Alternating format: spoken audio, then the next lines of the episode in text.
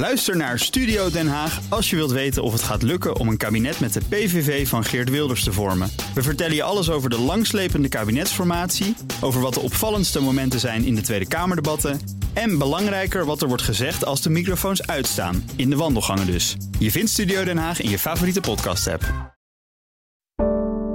Een goedemorgen van het FD. Ik ben Elfanie Toulaar en het is vrijdag 30 juni.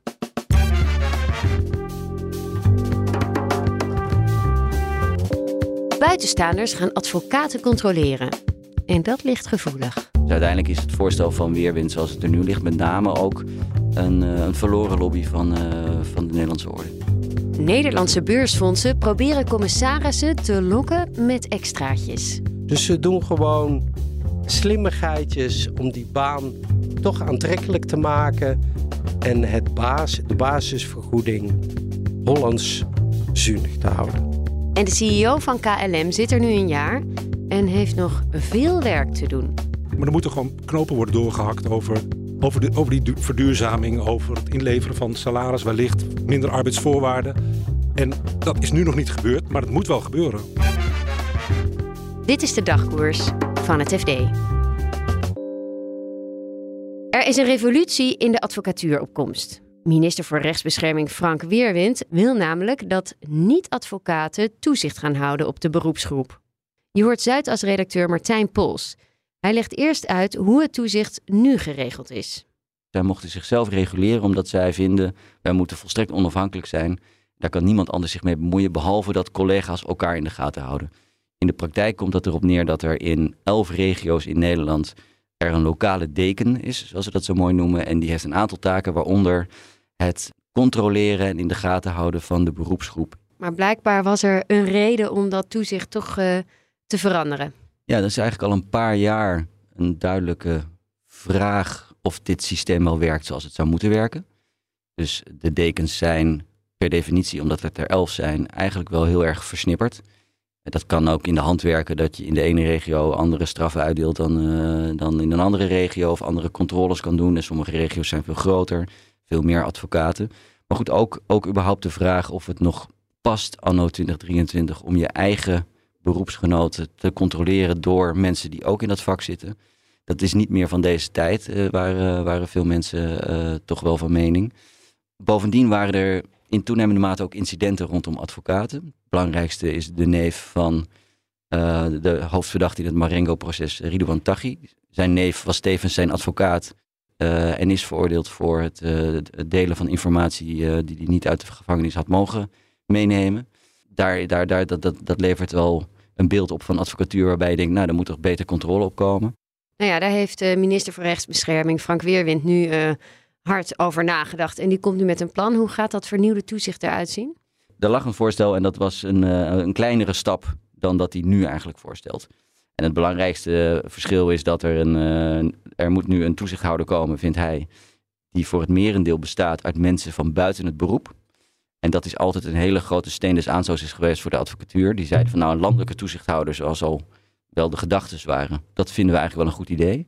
Maar dan wel binnen de Nederlandse orde van advocaten, dus de landelijke beroepsorganisatie. Want ze hebben geheimhoudingsplicht, hè? Een van, de zaken, een van de zaken die zij aanvoeren is inderdaad de geheimhoudingsplicht. Uh, dossiers en alles wat jij met je advocaat bespreekt zijn om allerlei redenen zeer vertrouwelijk. Uh, en moeten ook vertrouwelijk blijven. Dat is altijd een van de argumenten geweest waarom er nooit buitenstaanders werden toegelaten in het, uh, in het toezicht. De oplossing daarvoor, zoals die nu wordt voorgesteld, is eigenlijk dat je de toezichthouder ook gewoon aan dezelfde geheimhoudingseisen houdt. Zodat een advocaat eigenlijk nooit meer straks kan zeggen tegen zijn toezichthouder: Ik mag dit niet met je delen, want dat moet geheim blijven. Nou ja, dan zegt die toezichthouder voortaan: Ja, dat klopt en dat doe ik ook. Uh, maar ik wil wel weten hoe jij bepaalde zaken hebt geregeld. Want ik hoor dit over je, of ik zie dit, of ik zou graag eens een keer dossiers van je zien. Om te zien of jij je werk wel goed doet en of jij je aan je beroepsregels houdt. Dit zijn dus uh, straks allemaal buitenstaanders. Maar wat gebeurt er dan met die lokale dekens? De dekens raken in principe hun lokale toezicht kwijt. Dat gaat allemaal naar een landelijke organisatie.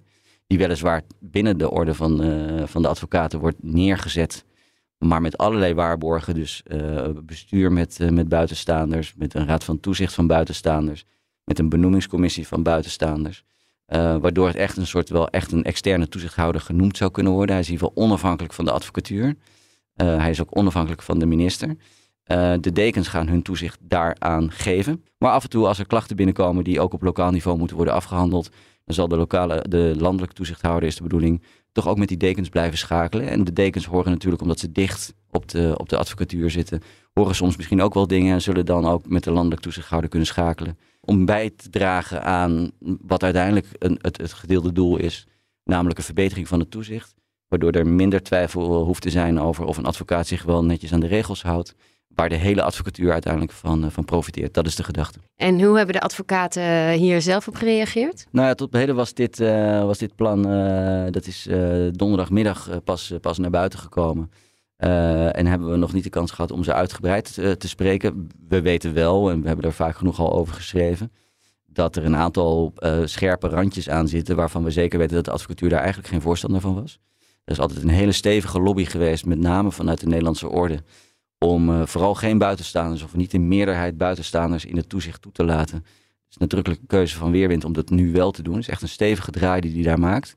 Dus uiteindelijk is het voorstel van Weerwind zoals het er nu ligt met name ook een, uh, een verloren lobby van, uh, van de Nederlandse orde. Commissarissen vinden dat zij onderbetaald worden. Met slimmigheidjes proberen beursfondsen nu toch goede mensen aan te trekken. Algemeen verslaggever Pieter Kouwenberg vertelt wat een president-commissaris gemiddeld verdient. 155.639 euro. En is dat niet genoeg? Het is maar hoe je het bekijkt. Het is natuurlijk heel veel geld. Het is misschien ook heel veel geld in de zin dat zij niet de dagelijkse leiding hebben over het bedrijf. Maar het is eigenlijk heel weinig geld als je bekijkt wat hun verantwoordelijkheden de laatste jaren zijn uh, geworden. En eigenlijk kijken we steeds meer naar die commissarissen van, u moet nou in de gaten houden dat die CEO's, die baasjes, geen gekke dingen doen. En als je dan ziet wat een bedrijf allemaal op zijn dak krijgt. Die commissaris moet zich nu inlezen in artificial intelligence, in cybersecurity, in de klimaattransitie. Ik las laatst over een, een onderzoekje van PwC onder 450 uh, eh, bazen van grote bedrijven. 40% daarvan zegt, als wij binnen 10 jaar ons verdienmodel niet drastisch om, omgooien, dan bestaat ons bedrijf niet meer. Nou ja, die commissaris moet dus zorgen dat hij iemand heeft die tijdig dat roer omgooit. Nou, dat is eigenlijk best een grote verantwoordelijkheid. En uh, ik heb even een rekensommetje gemaakt voor die voorzitter op basis van het aantal uren dat zij claimen per jaar. Normaal gesproken kwijt te zijn. Mm -hmm. Niet in een crisis, in normale tijd. Nou, dan komt het op een, een uurloon van 227 euro. En wat vind je daarvan? Um, nou, als je dat vergelijkt met het uurtarief van een topadvocaat of het uurtarief van een topaccountant, die bottom line misschien toch wel een minder grote verantwoordelijkheid hebben dan die president-commissaris.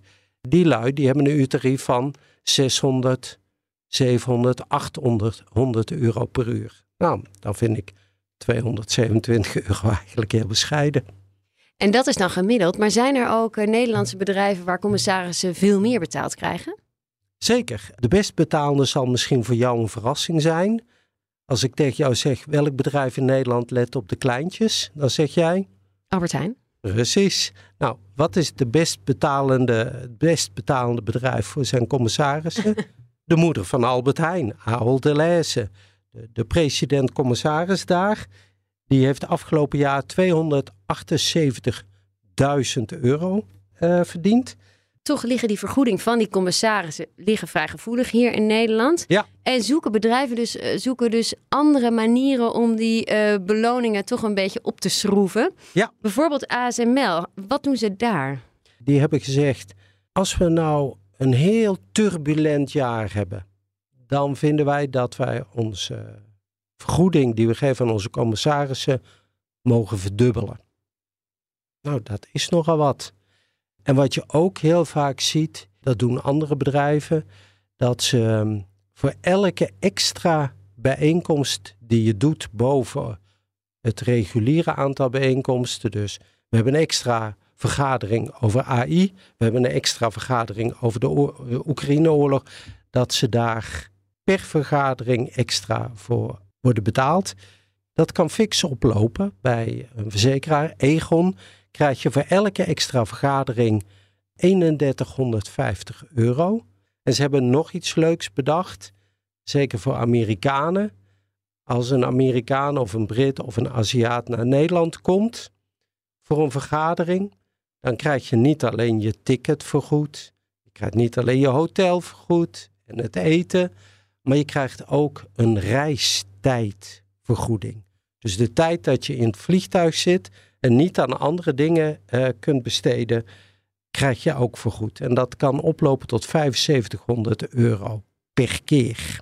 Dus ze doen gewoon slimmigheidjes om die baan toch aantrekkelijk te maken en het de basisvergoeding Hollands zuinig te houden.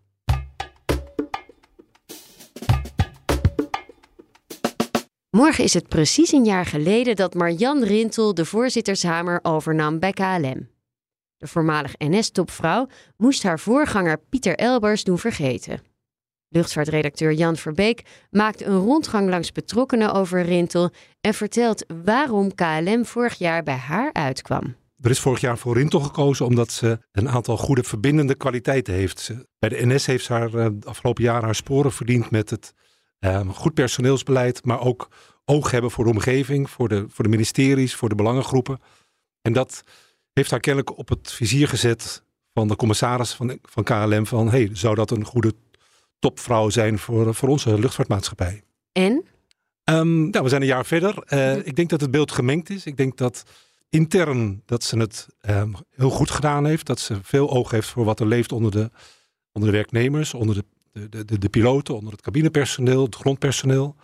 Ik denk dat ze wat betreft de externe contacten, de buitenwereld, dat, ze het, uh, dat het beeld wat wisselend is en dat ze met name in Den Haag op dit moment wat steken laat vallen. Of, of dat KLM steken laat vallen. Hoe komt dat? Dat heeft te maken met dat ze, uh, ik denk toch wat onderschat hebben het sentiment wat er in Den Haag heerst. Hè. Kijk, ik, ik zeg maar even heel simpel, KLM heeft een beetje de neiging, bedrijfscultuur, om in zichzelf gekeerd te zijn. Het eigen gelijk staat altijd voorop. En wanneer de buitenwereld kritisch is op, op de KLM, dan neigt de KLM zich in zichzelf te keren en te denken van wij hebben toch gelijk. Dan is het blauwe hart gekrenkt. Dan is het blauwe hart gekrenkt. Dan is het, wordt het beschouwd als een aanval tegen de KLM. Pieter Elbers was er heel goed in om dat te pareren. Ik merk dat eh, Marjan Rintel haar best blijft doen om de redelijkheid van de argumenten over te brengen. Maar dat lukt niet altijd, want op een aantal punten schieten de argumenten van KLM gewoon tekort. Um, als het gaat om de staatssteunende voorwaarden, hebben ze toch een eh, enkele fouten gemaakt. Ook als het gaat om de de fiscale um, bevoordeling van werknemers die in het buitenland werken. Daar tilde de Kamer heel zwaar aan. Daar moet je een eind aan maken. Hebben ze toch nog na twee jaar nog steeds niet gedaan. Dat zijn punten waar je, uh, waar je dan extra oppositie onder vindt. En uh, wat zijn haar uitdagingen dan uh, nu de komende jaren? Ik zie haar eerste jaar toch vooral als een soort van kennismaken met iedereen. Um, aangeven wat haar benadering is, wat haar opvattingen zijn, hoe zij erin staat. Ik denk dat jaar 2, 3 en 4, zoals haar bestuurstermijn eruit zal gaan zien, dat ze nu eh, een aantal knopen zal moeten doorhakken. Dat ze de onderneming klaar zal moeten maken voor de transitie, de grote transitie waar, waar de KLM voor staat, namelijk duurzamer, meer oog hebben voor de omgeving, meer oog hebben voor de, de, de kritiek die er op de onderneming komt. Uh, dat wordt een hele grote uitdaging. En um, met name in Den Haag. Ik denk dat ze in Parijs, waar de holding zit, dat het contact daar op, op heel veel punten verbeterd is. Maar ze zal heel veel aandacht moeten besteden aan de politieke partijen, aan de ministeries, hè, financiën, infrastructuur, om ook die op, op één lijn te houden en, en de KLM goed gezin te laten zijn. Ja, dus die verbindende kwaliteiten die ze intern al heeft, moet ze ook extern gaan uh, inzetten. Zo is het. Ja, ja. Ik, en als je me vraagt van gaat het haar lukken? Ik denk dat het echt lastig zal gaan worden de komende twee, drie jaar. Zoals gezegd, ze heeft nu een aantal eh, heeft een jaar de tijd gehad om zichzelf overal te introduceren, om haar goede bedoelingen kenbaar te maken. Maar er moeten gewoon knopen worden doorgehakt over, over, de, over die verduurzaming, over het inleveren van salaris, wellicht minder arbeidsvoorwaarden. En dat is nu nog niet gebeurd, maar het moet wel gebeuren.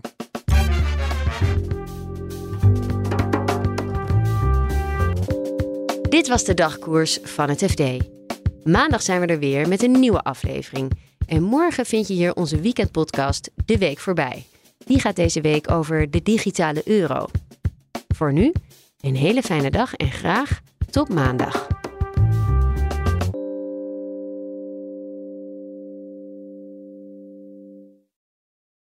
Ook Liesbeth Staats vind je in de BNR-app. Ja, heel handig. Luister live naar Kees en mij tijdens de Daily Move. Dan blijf je ook gelijk op de hoogte van breaking news en het laatste zakelijke nieuws. En daar vind je ook alle BNR-podcasts, waaronder de Perestrooikast. Download nu de gratis BNR-app en blijf scherp.